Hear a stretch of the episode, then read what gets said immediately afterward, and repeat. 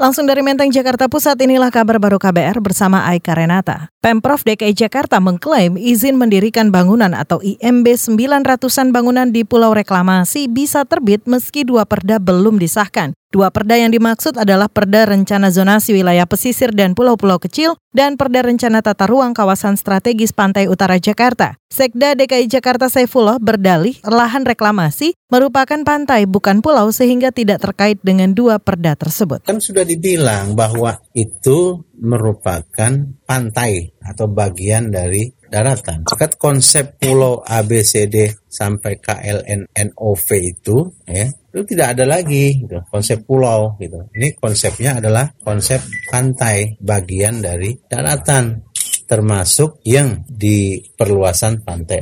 Sekda DKI Jakarta Saifullah menambahkan penerbitan IMB sementara didasarkan pada dua peraturan gubernur yakni Pergub tahun 2012 tentang penataan ruang kawasan reklamasi Pantai Utara Jakarta dan Pergub masa pemerintahan Basuki Cahayapurnama tahun 2016 tentang rancangan panduan rancang kota Pulau C, D, dan E hasil reklamasi.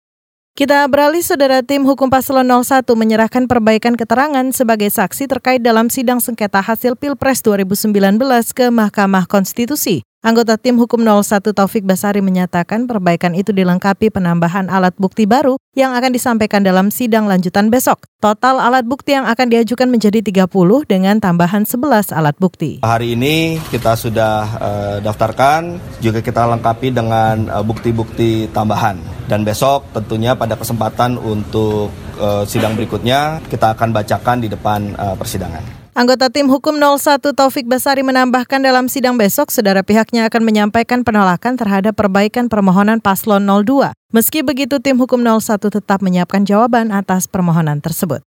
Kita beralih, Ditjen Pemasyarakatan Kementerian Hukum dan HAM memastikan terpidana korupsi Setia Novanto sulit mendapat remisi lantaran kerap melakukan pelanggaran. Juru bicara Ditjen Pas Ade Kusmanto menyatakan tindakan Setnov menyalahgunakan izin berobat kemarin bakal masuk daftar catatan buruk. Seorang narapidana mendapat remisi, salah satu syaratnya adalah berkelakuan baik. Tentunya dengan pelanggaran-pelanggaran seperti ini bisa dikatakan bahwa tidak berkelakuan baik, sangat sulit untuk mendapatkan remisi. Juru bicara Ditjen Pas Ade Kusmanto menyebut saat ini Setia Novanto tengah diperiksa di lapas Gunung Sindur. Ia menyalahgunakan izin berobat untuk mengunjungi toko bangunan pada Jumat pekan lalu. Kelakuan Setia Novanto kala ditahan di lapas Sukamiskin juga sempat menjadi sorotan. Setia Novanto kedapatan menghuni ruang lapas yang mewah.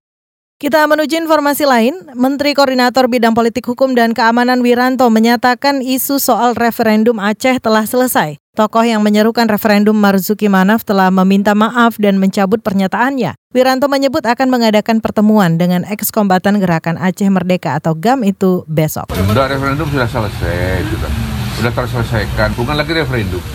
Ya, referendum sudah selesai, dia sudah minta maaf, sudah mencabut pernyataan yang lalu, saya kira sudah selesai.